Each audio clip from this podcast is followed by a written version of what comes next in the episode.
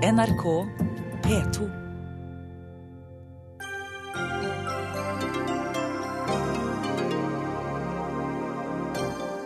Tre timer til de siste valglokalene stenger. Hanne Skartveit, Sveriges Radio, Harald Stanghelle, Anders Djupskås, Arne Strand, Toril Aalberg, BBC og kringkastingssjefen. De blir med på vorspielet før stortingsvalget 2013 avgjøres.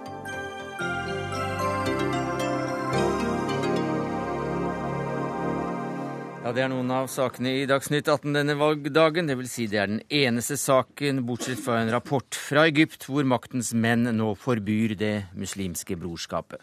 Men først til hvem som eh, skal få ha makten her hjemme. De siste valglokalene stenger nå om to timer og 59 minutter, andre steder før det. Og hva er du mest spent på nå i kveld, eh, politisk redaktør i VG, Hanne Skartveit? Jeg er spent på to ting. Hvem blir størst av Høyre og Arbeiderpartiet?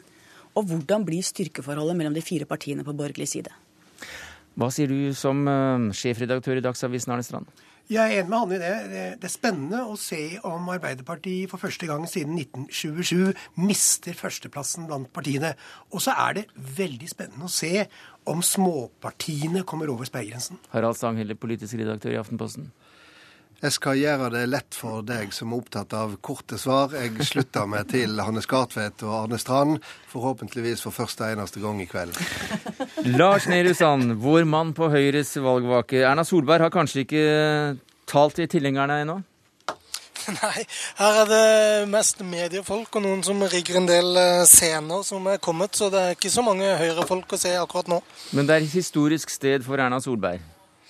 Så absolutt. I denne 558 kvadratmeter store landsmøtesalen, som det jo før var for Høyres del, på Holbergsplass i Oslo, så har Erna Solberg og ikke minst Høyre vært før. I 2005, det katastrofale stortingsvalget da hun fikk 14,1 eh, oppslutning, så var det her alt snudde året etterpå. I april fikk hun 10,5% oppslutning i en VG-måling. Trygve Hegnar ba henne om å gå av i mai så sto på akkurat denne scenen og holdt talen hvor hun siterte fra en dødsannonse i Fredrikstad Blad. Så tok hun oppgjør med et kalkulatorparti og snakket om at Høyre i fremtiden må snakke om mennesker, ikke milliarder. Det var altså her og da det snudde. I dag kommer Erna, som alle ville ha fjerna, tilbake som den store stjerna. Sigrid Solund, du er vår kvinne i rosenes leir. Hva er det som skjer der den sittende statsministeren vil snakke til sine egne utover kvelden? Også her er det foreløpig flere teknikere enn journalister, og alle rigger og øver og tester forbindelser og utstyr. Det er dekket på i hele salen med hvite duker og en enslig rød rose på hvert bord. Og om halvannen times tid begynner salen å fylles opp med politikere hovedsakelig da fra Oslo, Akershus og AUF. Og en time etter det skal Raymond Johansen og også Jens Stoltenberg åpne og hilse til valgvaken. Og Det er vel en stund siden Arbeiderpartiet ga opp å håpe, eller i hvert fall tro, på et rød-grønt flertall. Det de håper på nå er vel å bli det største partiet, og at fordelingen blant de ikke-sosialistiske partiene blir av en sånn art at et eventuelt samarbeid blir kortvarig, så Jens Stoltenberg og hans mannskap kan trå til og ta over makten igjen før det er gått fire nye år. Takk skal du ha, Sigrid Solund fra Folkets hus. Ja, det er altså da mange som eh, mener at vi får eh, et regjeringsskift, eh, Skartveit. Hva vil overskriften i Verdens Gang VG bli hvis de rød-grønne ble sittende?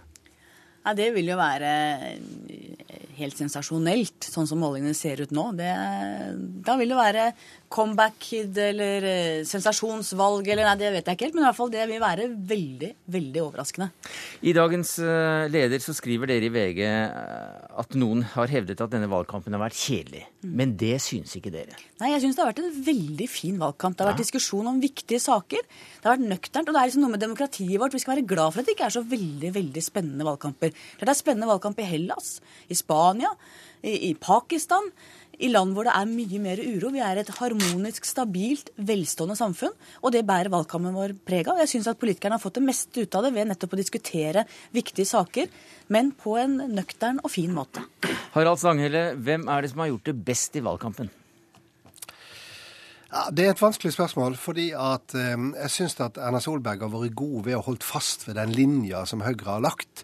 Jens Stoltenberg har kjempa i motbakke, men kjempa veldig godt. Han er en veldig god valgkamppolitiker. Eh, det trigger han å være i dette, og han får oss til å tro at han liker å møte folk, og han liker å kjempe.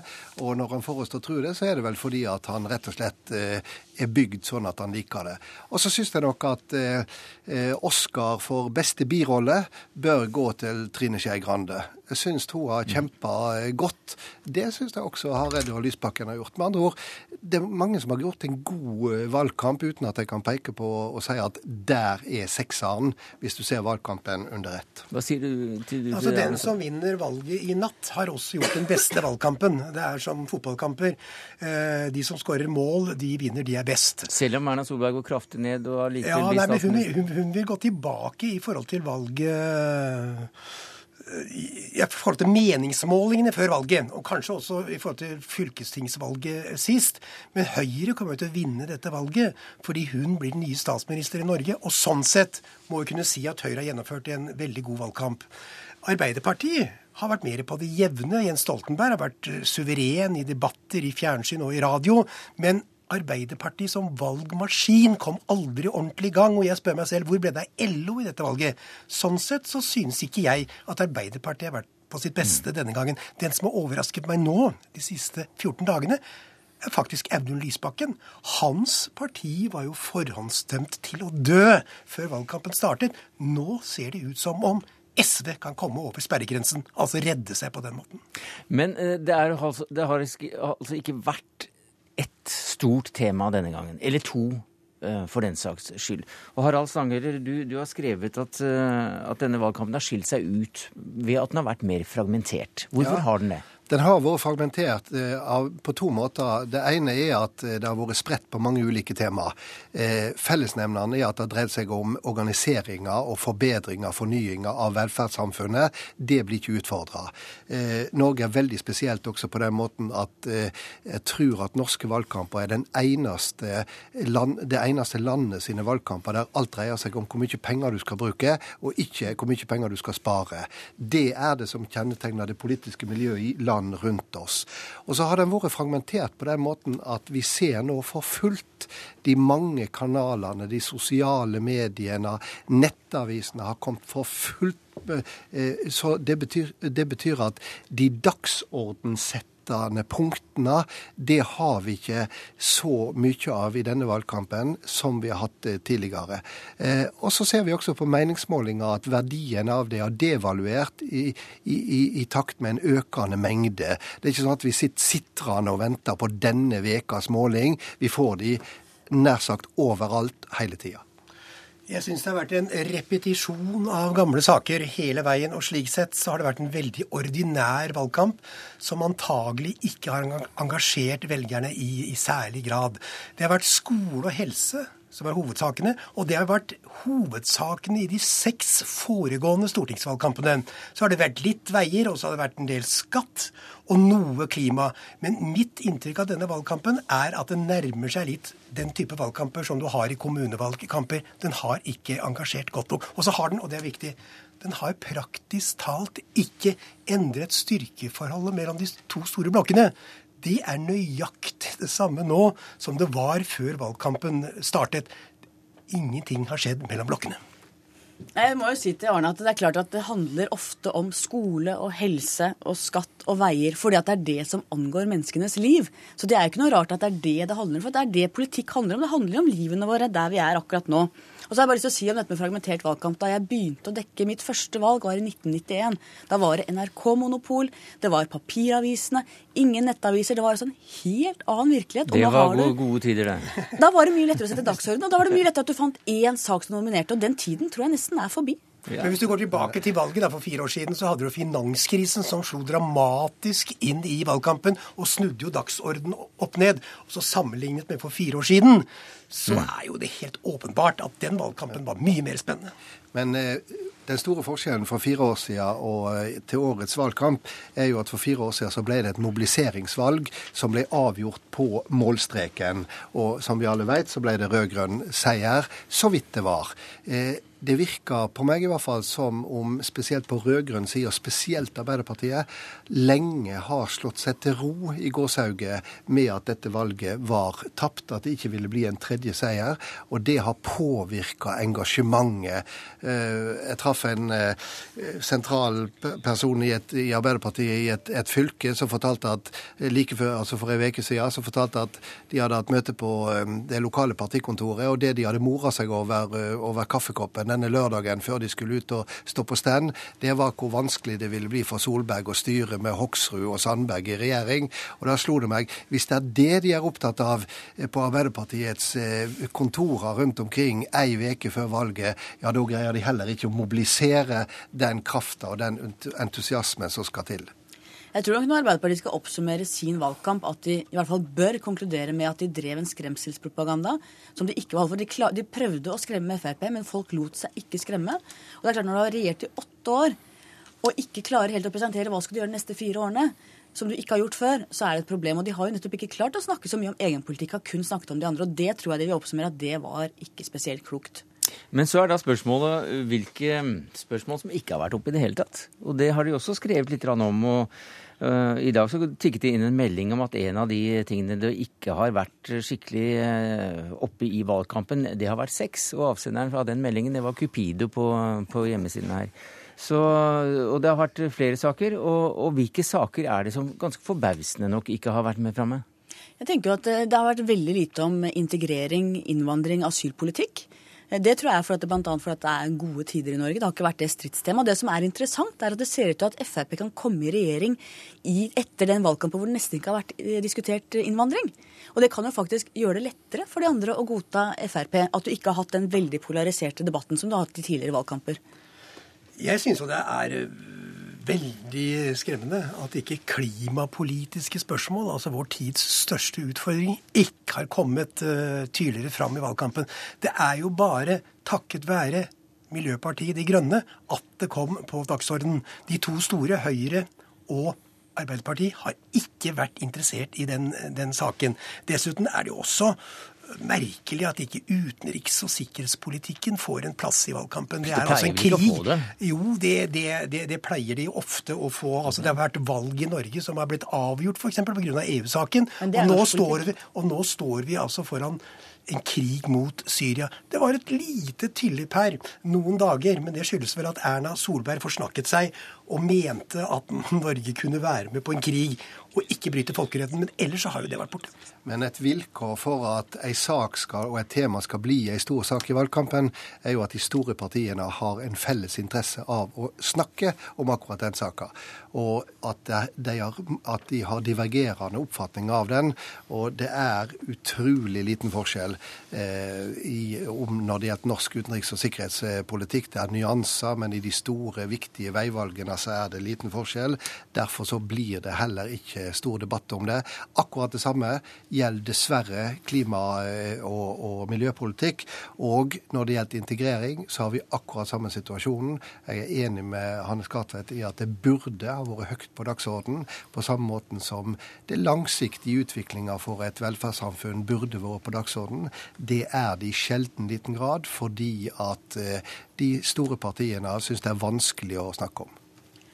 Når det gjelder klimapolitikken, så viser jo det kanskje baksiden av at man får brede forlik. Du har jo klimaforlik i bånn, som gjør at det er ikke noe mer man er uenige om. Alle er enige, og da forsvinner det på en måte under den politiske dagsordenen. Frp var jo ikke med, da. Nei, men de vil jo gjerne men det er en lang historie der. Når det gjelder utenrikspolitikken, så tenker jeg at det er en styrke egentlig for et lite land som Norge at det er såpass lite strid om, om de utenrikspolitiske veivalgene. Og når Arne nevner EU her, så har jo aldri den norske EU-debatten handlet om EU. Den har alltid handlet om Norge og Norges forhold til EU. Så sånn sett så er det sånn at det har vært innenrikspolitiske debatter de gangene det har vært fremme i valgkampen, og ikke om utenrikspolitikk eller hvor Europa går. Det har alltid handlet om hvor Norge går. Men grunnen, grunnen, til at utenrikspolitikk eh, ikke er i valgkampen, er jo også at SV er bundet på hender og føtter i utenrikspolitikken, fordi de er nødt til å stå ved det de har stått for i regjering i åtte år også når de har vært uenige. Du kan på en måte ikke drive valgkamp mot seg sjøl mm. og mot det du har vært med på, sjøl om du egentlig har men, protestert men litt. Men det er jo ikke sånn for et parti at du er nødt til å ta opp saker som de vet det er konflikt om.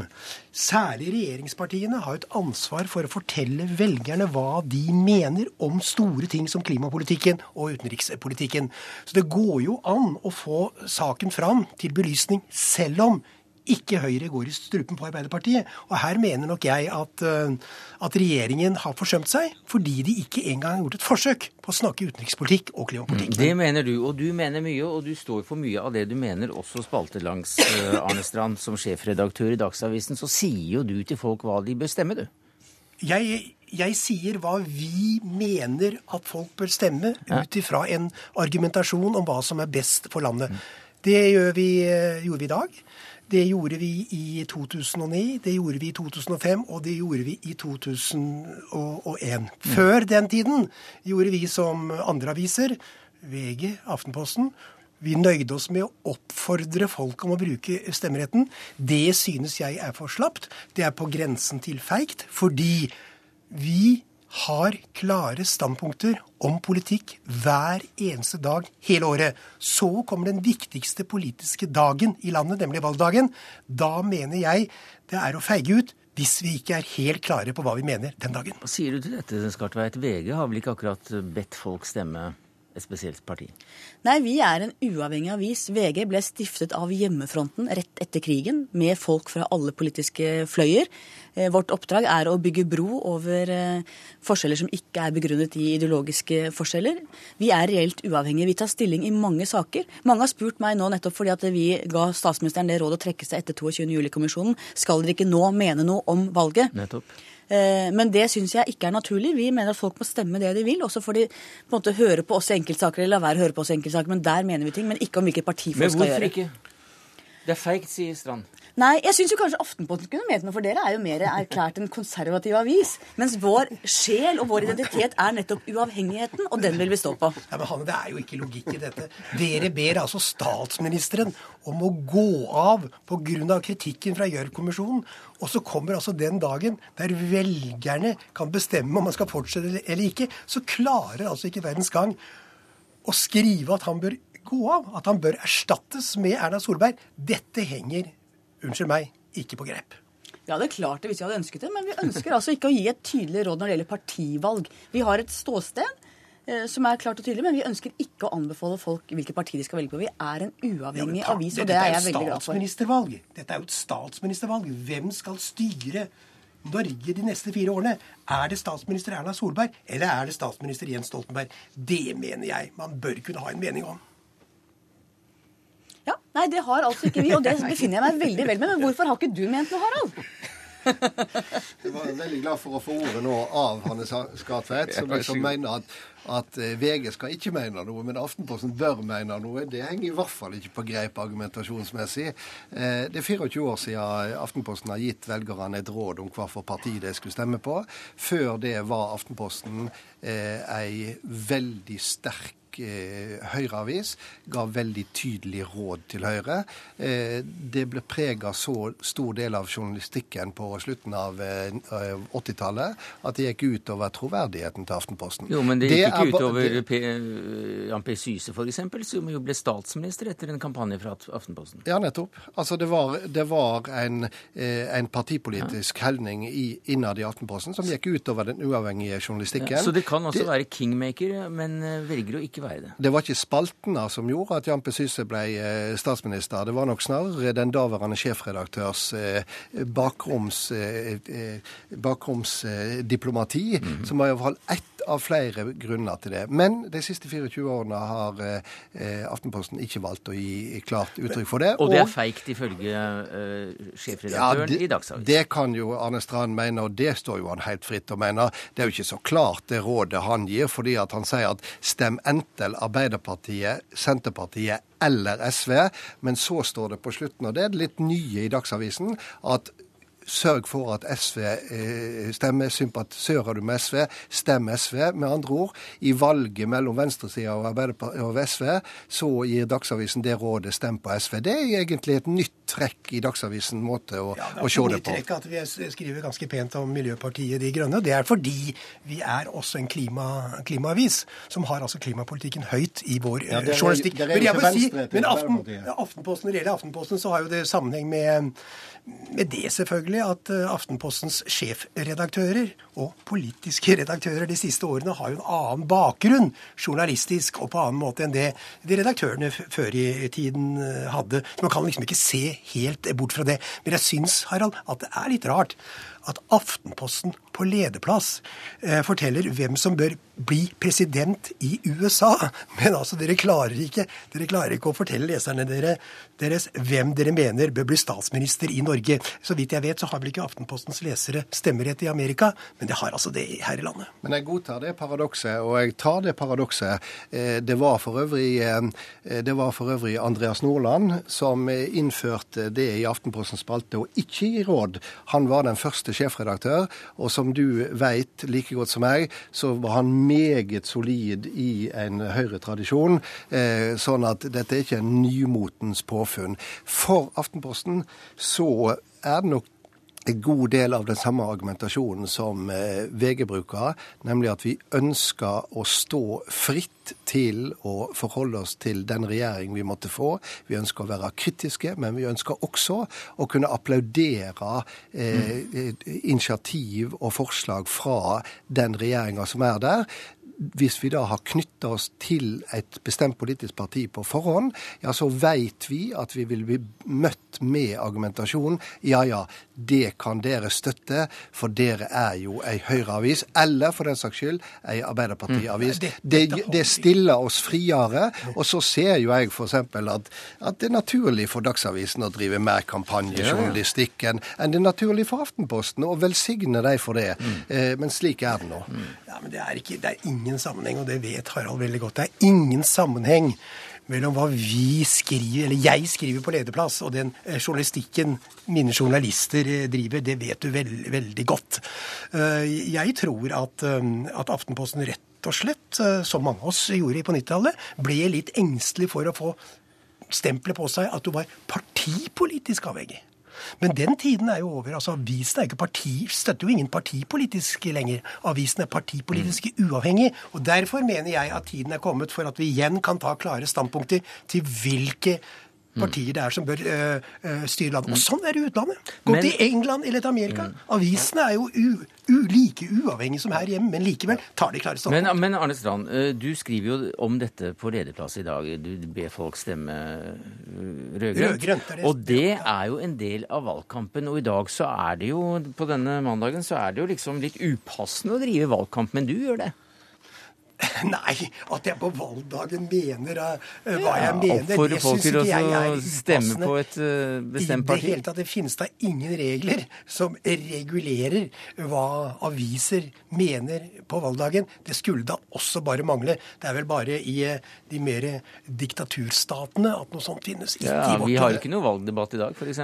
Nei, det har en ikke. Men samtidig så ser du jo at de politiske partiene har sine annonser i dag. sant? Mm. Så, så, og de politiske partiene står og deler ut sine lister ved valglokalene, eh, så, så, at en bruker akkurat valgdagen til å markere et avis sin eh, standpunkt, det syns jeg er naturlig. Men, men jeg har jo ofte tenkt at det som måtte være viktig hvis en virkelig tar uavhengighet på alvor, det var jo å gjøre som du henviser til i britisk presse, med at du velger ulike partier ved ulike valg. Og det er klart at den dagen Dagsavisen f.eks. i dag hadde skrevet om at nei, åtte år med rød-grønt er nok, nå er det faktisk på tide med et skifte, da kunne du snakke om at en vurderte dette uavhengig fra valg til dag. Eller den dagen eh, ei klassisk Sveriges borgerlige avis sa at nå er det på tide å få et sosialdemokratisk eh, ordensstyre inn, inn, i dette. Og det er denne forutsigbarheten som jeg tror bare ville kaste kasta en litt enkel merkelapp mm. på oss. Og derfor så argumenterer jeg for at vi ikke skal mm. velge et politisk parti. Skartveit, jeg må nesten bare avbryte denne debatten her. vi er jo egentlig ferdig med akkurat, akkurat hvem som bør stemme hva, nå som også Dagsavisen har fått sagt sitt. Men eh, Skartveit, hva slags, hva, hva, hva slags tale tror du kommer fra Erna Solberg i dag? Jeg tror jeg er veldig avhengig av hva Jens Stoltenberg sier. Jeg tror at Hun ønsker at han skal si noe først. Jeg må bare få si én siste ting om ja, dette. og Det er at det er ikke unaturlig at Dagsavisen går for de rød-grønne. Men vi vil ikke tilhøre noen i VG. Altså Vi tar klare standpunkter i enkeltsaker, men vi aldri tilhører noe politisk parti. Eh, så tilbake til hva Jens Stoltenberg sier. Eh, ja, Jens Stoltenberg for, for, eksempel. Gjerne det. Ja. Sier han uh, takk for seg? Han vil nok, uh, ser ut til, vente til uh, det er etablert et mer klart regjeringsalternativ. I hvert fall tyder på det nå. Han vil kanskje si at han er klar til å gå av idet det alternativet er der, slik som Bondevik gjorde for åtte år siden. Men hva da med, med, Erna Solberg, som altså står og, og holder talen der hun holdt uh, den store talen sin i 2006, som ifølge kommentarer, kommentarer har, har, vridd uh, hele Ernas uh, skjebne til en mye blidere en. Hun står der i dag, taler på samme sted. Hva kommer hun til å si, Stangele? Hun kommer til å ha to veldig klare budskap. Hvis det blir et så vellykka valg for Høyre som det ser ut til, så vil det bli en meget sterk takketale til alle de som har del i den seieren ved sida av mm. henne sjøl. Det andre er ei forsikring om at et borgerlig flertall skal gi borgerlig regjering. Den garantien eh, kommer hun til å gjenta eh, på en kveld der hun ikke kommer til å gjøre det, men jeg hadde unnt henne og sendt en liten tanke til alle de som sa at hun var ubrukelig som partileder. Eh, faktisk litt stolt av, apropos lederplass i Aftenposten, at i motsetning til en del andre aviser, mellom andre Dagsavisen, så var en av, vi en av de meget få som sa at løsninga er ikke for Høyre å bytte ut Erlend Solberg. Det tror jeg i hvert fall vi har fått rett i. Det har du sikkert lyst til å svare på, Arnestad, men la meg heller stille deg spørsmålet. Altså, Stoltenberg, hvis, eh, hvis han eh, da ikke blir innvalgt som statsminister med god majoritet her, eh, så, så, har han jo anledning til å si takk for seg allerede i dag. Ja, hva gjør ikke det, Natt? Det er ikke tradisjon i Norge for den slags. Erna Solberg er, har vel ymtet frampå at det nei, hadde vært det er ikke det. Altså, da jeg var med som statssekretær for statsministeren i 89, så ventet Gro Harlem Brundtland i det lengste med å si fra fordi først skal det etableres et klart flertall i Stortinget for en ny regjering. Det er ikke eh, velgerne som velger regjering, det er altså faktisk Stortinget. Og det samme har vært tilfellet ved alle andre valg jeg kjenner, med ett unntak. Torbjørn Jagland i 1997. Han takket for seg i valgnatta. Men det var fordi at Torbjørn Jagland hadde stilt et kabinettspørsmål før valget om å få at hvis han ikke fikk 36,9, så skulle han gå av. Men ellers så er det helt normal uh, prosedyre mm. at statsministeren velger til det er et flertall i Stortinget. I det øyeblikket det er klart, i det øyeblikk de fire partiene sier vi er klare til å ta mm. regjeringsmakten, så går Stoltenberg. Du, Det rives og slites i dere nå. Drosjene står klare. Dere skal videre til på andre arrangementer. Takk skal dere ha, Harald Stangeler, politisk redaktør i Aftenposten, Arne Strand, sjefredaktør i Dagsavisen, og Hanne Skartveit, politisk redaktør i VG. Vi skal uh, ta et skritt tilbake og ta for oss eh, hvordan det norske valget ser ut fra, fra resten av verden, uten eh, med det å påstå at Beijing, Bhutan, Bangkok eller Baku holder pusten i kveld. For slik er det vel ikke, Jenny Sanner Rosenquist, du er Sveriges Radios Norden-korrespondent. Er det mange i Sverige som har fått med seg at i dag er det valg i Norge? Absolutt. Det har vi sett til at de vet om. Ja vel. Hva er det mest interessante ved det norske valget sett med svenske øyne, tror du? Alltså det, för oss är det väldigt intressant med Fremskrittspartiet. Mm -hmm. Kommer Fremskrittspartiet i regjering og hur kan det ske? Eh, I Sverige så vill vi jo gjerne jämföra Fremskrittspartiet med Sverigedemokraterna. Og derfor vil man gjerne ha forklaring at hva er skillnaden og hvordan kan det skje og hva er Fremskrittspartiet for type av parti. Så det er Sverige interessert i? Ja, det er stor interesse i. Hva formidler dere til britene, Lars Odne Bevanger i BBC? Det er litt av det samme der òg, fokus på Fremskrittspartiet. Eh, og folk er litt klar over selvfølgelig at Anders Behring Breivik var medlem av Fremskrittspartiet en periode, og de lurer også på hva slags parti dette er. Eh, og også at eh, nordmenn ser ut til å gå mot høyre i det første parlamentsvalget etter angrepene. Det mener man kanskje er litt pussig, siden de angrepene var jo politisk motivert og retta da mot venstresida. Så der har du som korrespondent eller journalist her i, i Norge nå en, en pedagogisk oppgave? Ja, man har jo gjerne det, fordi eh, det snakkes i enkelte internasjonale medier om eh, Fremskrittspartiet som et høyreekstremt parti, og det må man jo selvfølgelig prøve å korrigere på, at de er langt mer mot sentrum enn eh, kanskje noen av de andre høyre De på ytterste høyre fløy i, i, ellers i Europa. Så har jeg sett at også the spending rule har vært nevnt. Handlingsregelen? Ja, eh, det nevnes også. Fordi man lurer jo selvfølgelig på eh, hvordan eh, man kan klage i et av verdens rikeste land, om ikke verdens rikeste land, der man sitter på så mye oljemilliarder. Og det er jo også interessant å forklare at her har man en regel der man prøver å unngå hyperinflasjon, selvfølgelig. Men også at det er faktisk en debatt om hvordan man bruker de pengene. Man lurer på om høyresida kanskje vil bruke mindre penger. Man er jo vant til at høyresida gjerne vil kutte, i hvert fall i Storbritannia. Og da må man forklare at eh, på, sånn som det fungerer her, så vil man bare bruke pengene annerledes, og ikke nødvendigvis mer eller mindre. Det er også stort interesse i Sverige, oljefonden, hvordan man anvender oljepengene, og at Fremskrittspartiet kanskje vil anvende mer. Og også en annen sak vil svensker vite, er hvordan kan Jens Stoltenberg forlore valget, eller forlore regjeringsmakten, når han var så populær etter eh, terrorattackerna. För det är ju den bilden som är i, i Sverige och många andra länder att, att, eh, han, har, at eh, han og regjeringen har gjort det veldig bra. Men hva da, hvis vi ser litt mer generelt på det, hva, hva er de store forskjellene på norsk og svensk valgkamp? Det är ju, alltså det är en stor skillnad det är ju att, att ni har val mycket oftare. Eh, om man säger, ni har ju kommunalval och eh, riksdag, eller stortingsval och det, så det är ju bara två år mellan. Även om det är helt olika typer av val så är det ändå en, en, ett annat sätt att hålla en valkampanj än vad vi gör i Sverige.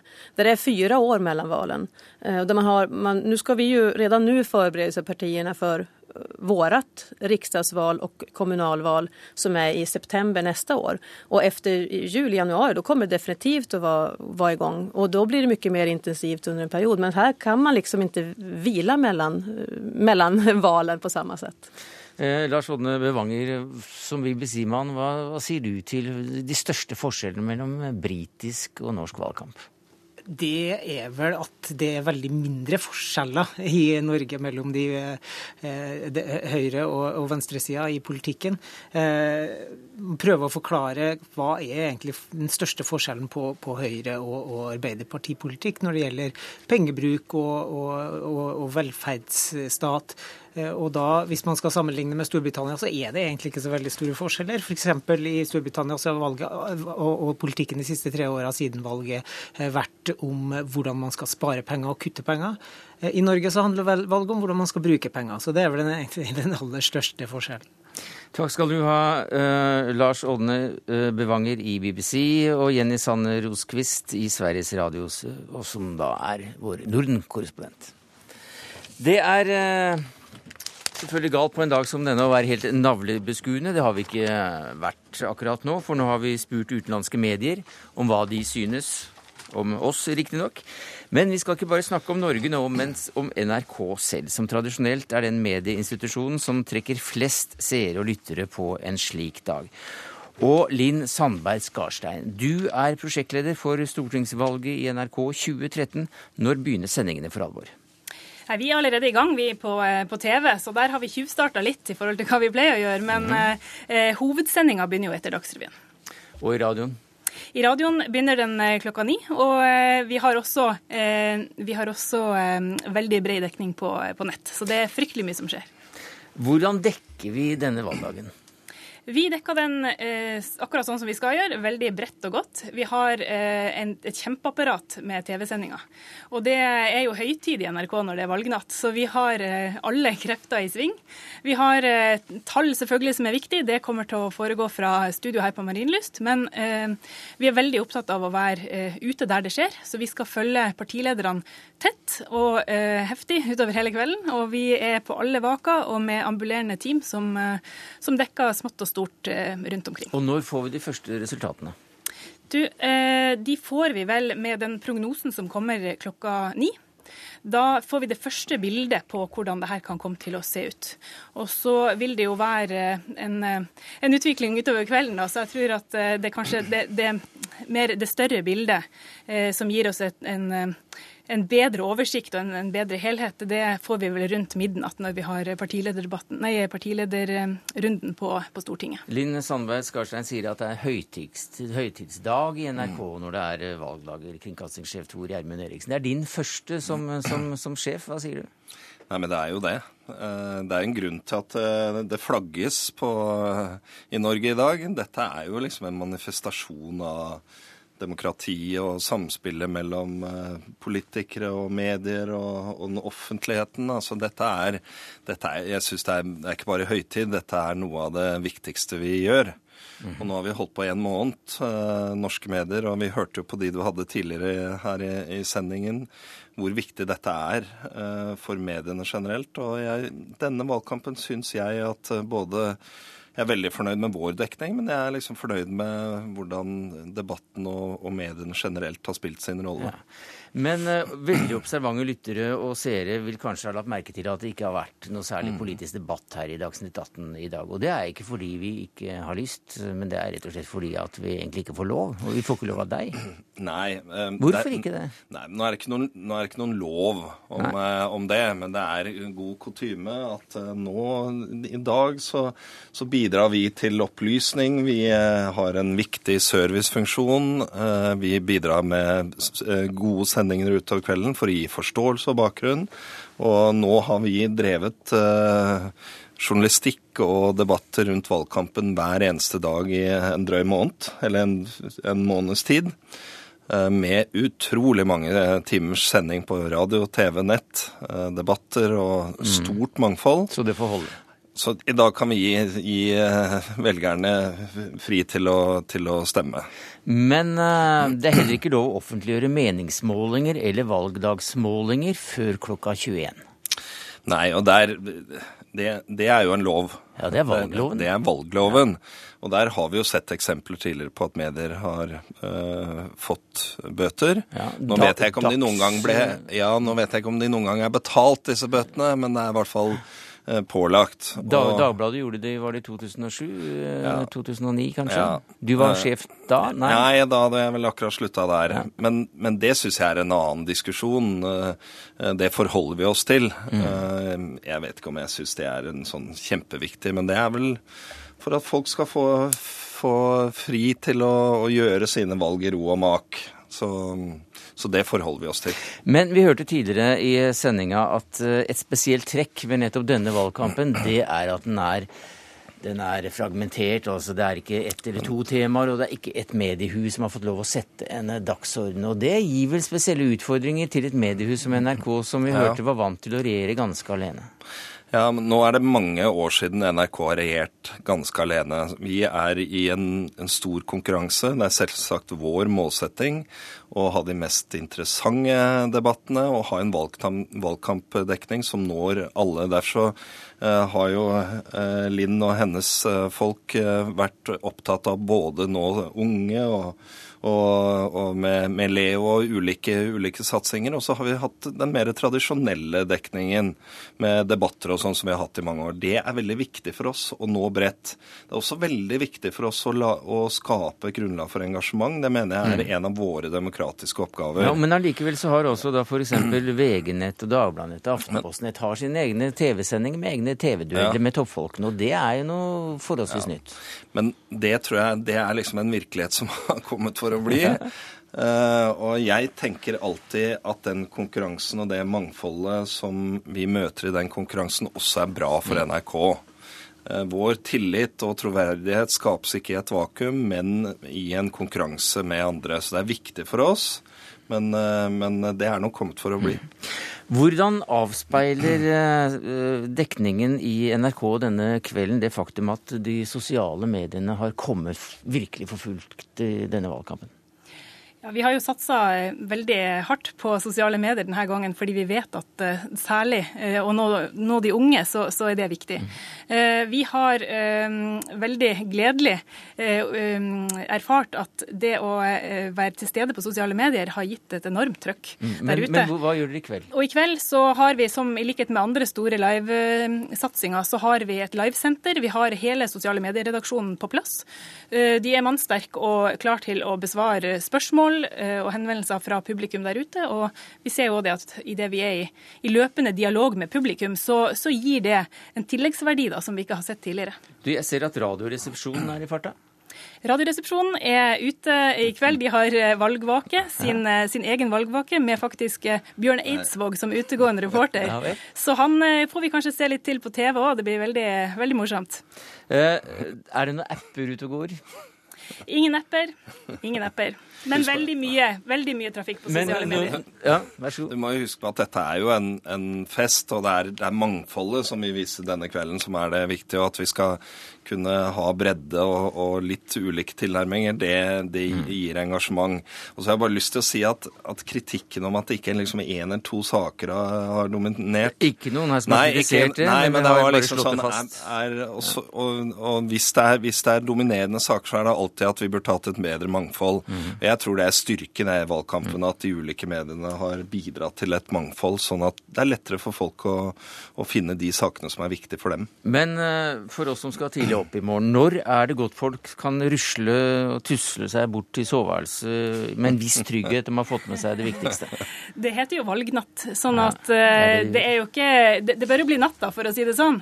Uh, så jeg tror at i hvert fall må man runde midnatt før, før man kan med god samvittighet legge seg og vite noe om resultatet resultatet. Men eh, vi har eh, et, eh, en befolkning som er veldig opptatt av politikk, og som gjerne ser mm. på sendinga at det er langt ute i de små timene. Og det er fremdeles 1 time og 20 minutter igjen til de siste valglokalene stenger. Godt valg til deg, Linn Sandberg Skarstein, prosjektleder for stortingsvalget i NRK 2013. Til deg, Tor Gjermund Eriksen, kringkastingssjef. Det var eh, det vi eh, rakk om akkurat vår, eh, ikke bare vår egen navle, men kanskje også loa i, den, i vår egen navle. Ved dette valget så har de fleste avisene, de store avisene, vært opptatt av å øke valgdeltakelsen som vi har sett i store reklamekampanjer, rettet da særlig mot de unge. Og Toril Aalberg, du er professor i statsvitenskap ved NTNU. Ja, tror du det har virket?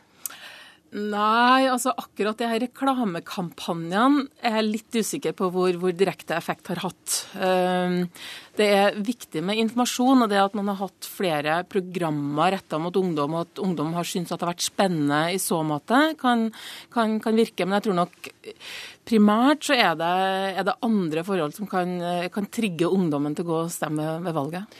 Lokalene er altså da fortsatt eh, åpne over store deler av eh, landet. Noen er stengt. Men med oss fra valglokalet i Narvik rådhus, så er du reporter Kjell Micaelsen. Har du sett mange ungdommer i dag gå inn og stemme? Ja da, ja, her er det masse folk som er inne og stemmer. Og det er en stadig tilstrømning av folk. Og nå må vi trekke oss litt ut her for at vi ikke skal stå i veien for de som skal komme inn i lokalet. Og du vet, Narvik som alltid har vært en eh, rød kommune inntil kommunevalget i, eh, for eh, ja, siste kommunevalg. Da ble det blått og blå ordfører her i kommunen. Og så er det jo sånn at Her er 2400 mennesker som har vært og forhåndsstemt av de 14 000 som har stemmerett i eh, byen. Og det her betyr at eh, si de som jobber med valg her, at her kommer det til å bli eh, litt høyere valgoppslutning enn det ellers har vært. Hvorfor det? Ja, jeg vet ikke. Kan man skylde på nydelig vær med nærmere 20 grader ute i byen? Eller er det det at eh, folk er kanskje litt opptatt av valget akkurat denne gangen?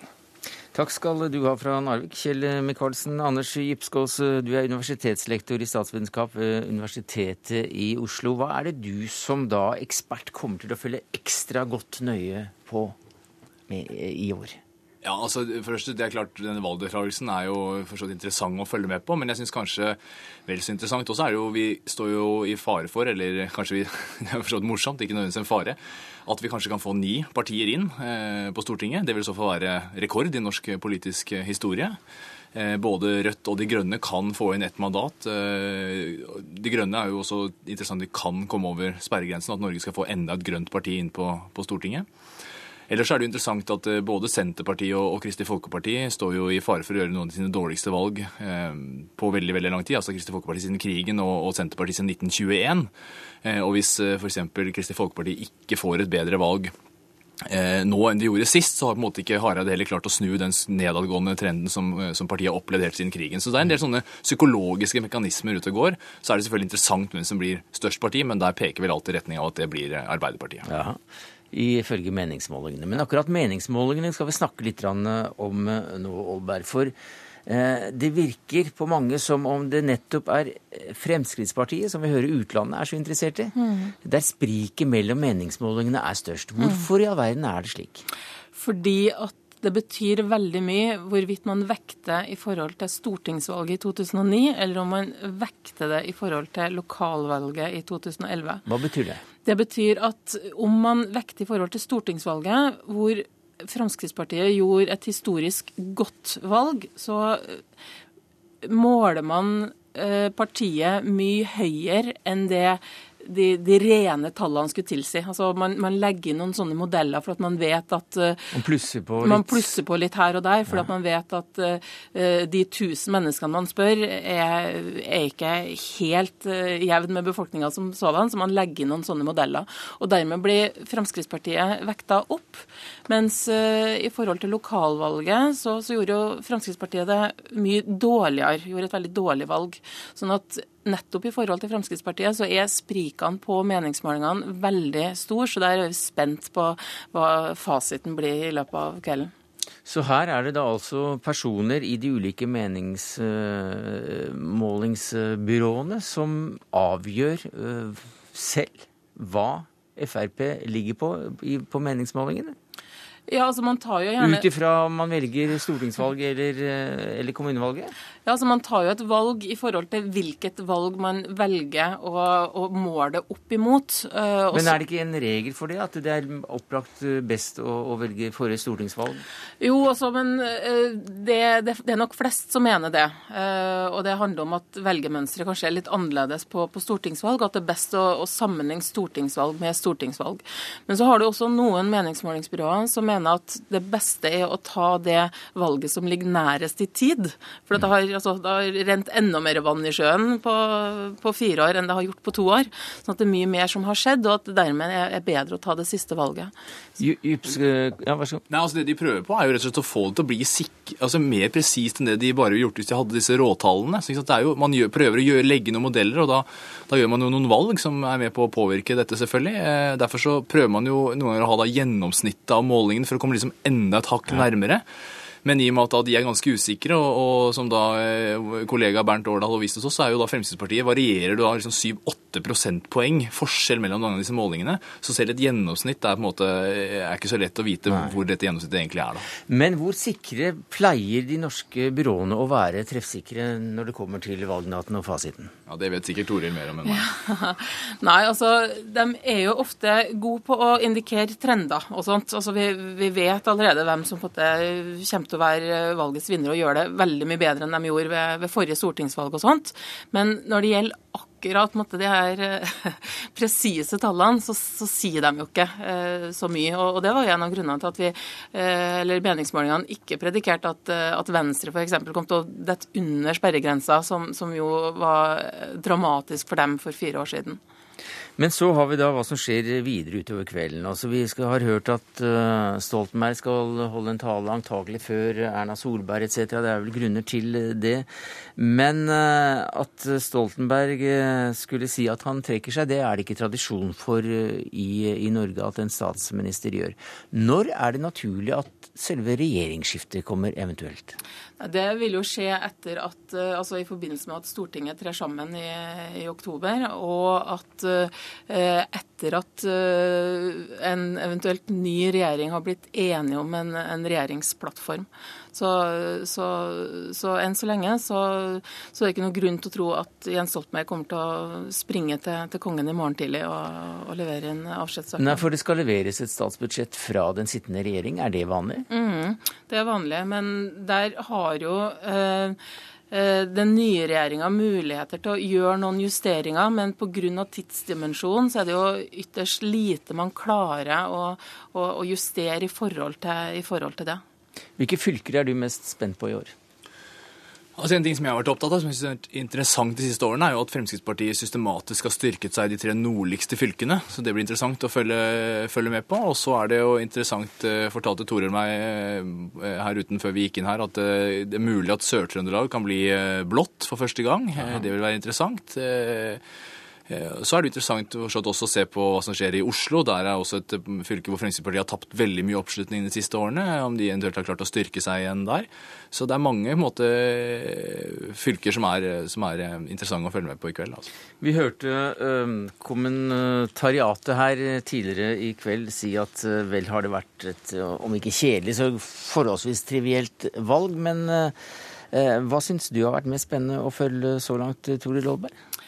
Nei, altså Med den bakgrunnen jeg har, så, så syns jeg jo selvfølgelig at denne eh, kampen om sperregrensa har vært den som har vært uh, mest, uh, mest, spennende. Så, så er det nok det jeg har fulgt mest med på.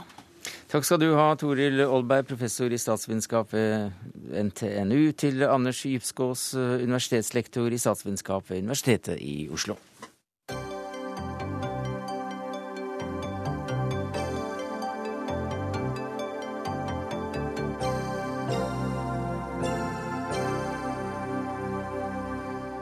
Det var valget 2013 sett med Dagsnytt 18-øyne. For nå skal vi til Egypt, der det ikke står om et eh, valg, men det står om et, eh, et veivalg som foretas nå som de mennene som har makt, antakelig oppløser det muslimske brorskapet. For det meldte den statlige avisen Al-Akbar før helgen. Det ble sagt at den egyptiske regjeringens endelige kunngjøring ville komme i begynnelsen av denne uka. Og siden det er mandag i dag, så er vi vel nå med i denne kategorien. Midtøsten-korrespondent Sigurd Falkenberg Mikkelsen, du er i Kairo. Hva slags melding er det som høyst sannsynlig vil komme? De virker ikke som om de eh, kommer med definitive uttalelser. Det er mer inne i en eh, prosess der myndighetene slår hardt ned på brorskapet. Dette er noe de har holdt på med eh, i en 50-årsperiode for øvrig, med diverse juridiske grep.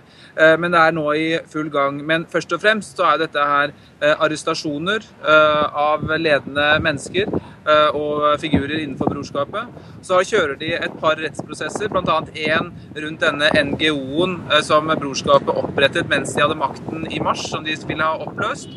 Mens fram til nå så har i hvert fall deres politiske parti, FJP på engelsk, eller Frihet og rettferdighetspartiet, det har fått leve videre. Men om det får noen praktisk betydning framover, det er helt annet, eh, et helt annet spørsmål. Jeg lurer på om du kan flytte deg litt eh, unna den vinden som vi hører eh, blåse i Kairos gater, mens vi snakker med deg, Mona Abdel Fadil. Du er Midtøsten-forsker ved, ved, Fafo.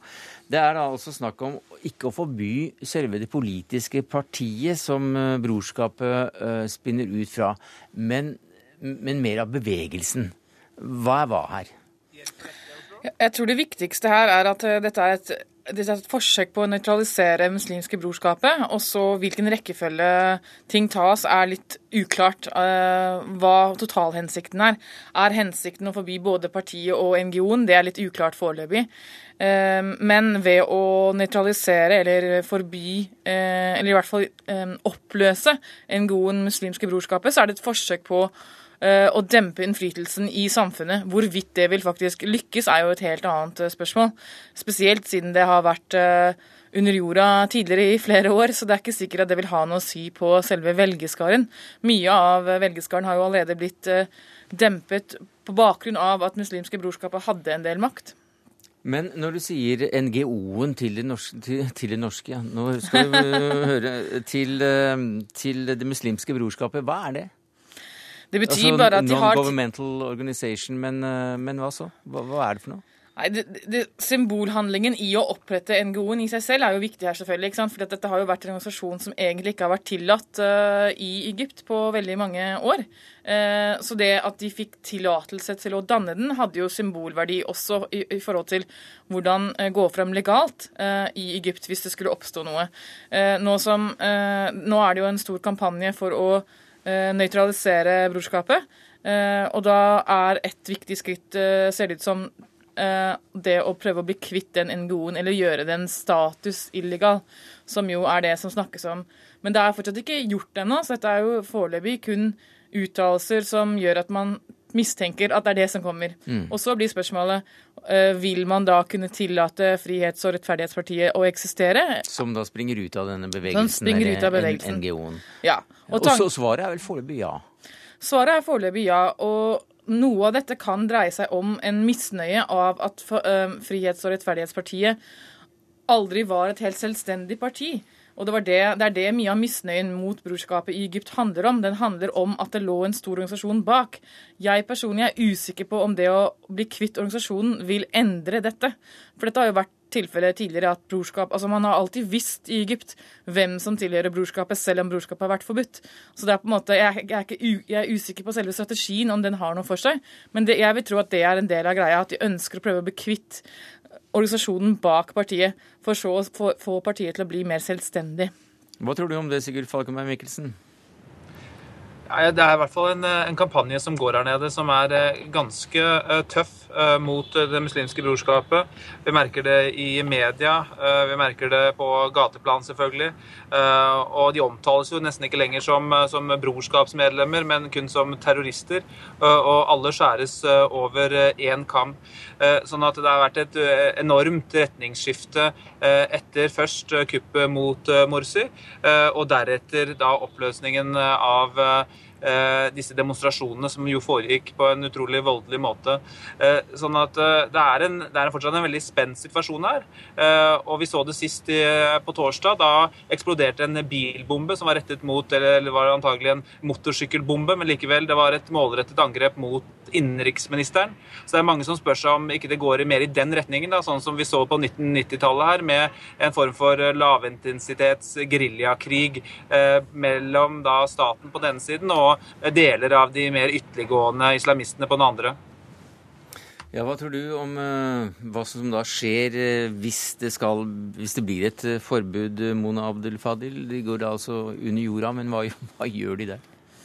Jeg tror at altså Ut ifra hva som har skjedd fram til nå, og det harde angrepet mot brorskapet, så er det ikke usannsynlig at enkeltindivider vil bli radikalisert og vil ty til militant, militante aksjoner. Det er helt sannsynlig. Samtidig Men, men har brorskapet en, en tradisjon for det? I utgangspunktet så har de jo erklært at de er en ikke-voldelig organisasjon, og det tror at de aller fleste av deres tilhengere er det. Eh, noen har jo valgt å bryte ut nettopp for å danne mer militante organisasjoner. Men historisk så har vel ikke brorskapet stått for en voldelig linje? I utgangspunktet så er det hovedlinjen deres har aldri vært voldelig. Nei. Og det er litt det man ser nå, at kanskje vil det være noen som bryter ut og gjør noe annet. Samtidig som jeg tror at hovedorganisasjonen, uansett om den er legal eller illegal, vil ikke føre den, den en militant linje.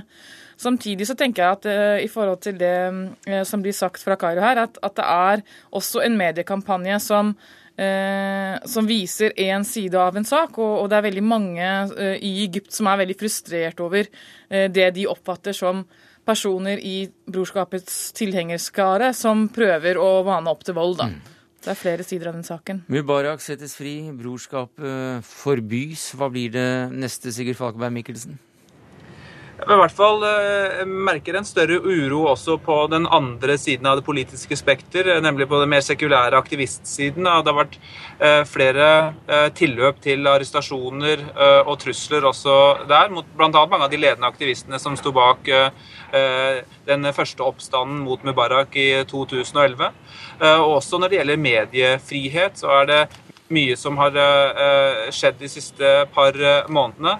Eh, det var jo først da en frihets eh, voldsom oppblomstring av media etter Mubaraks eh, avsettelse, eh, som nå virker å være på tilbaketog.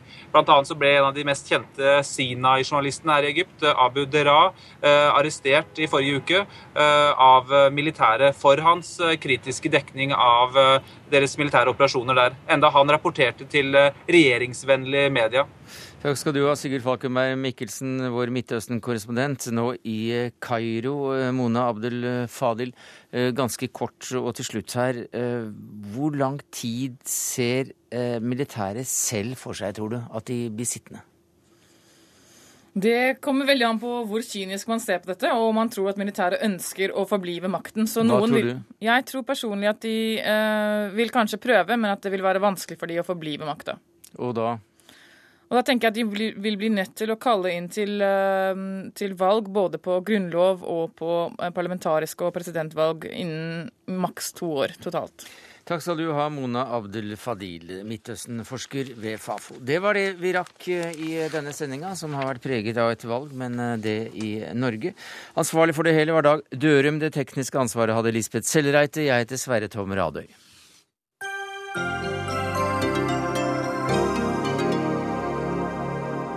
Hør flere podkaster på nrk.no podkast.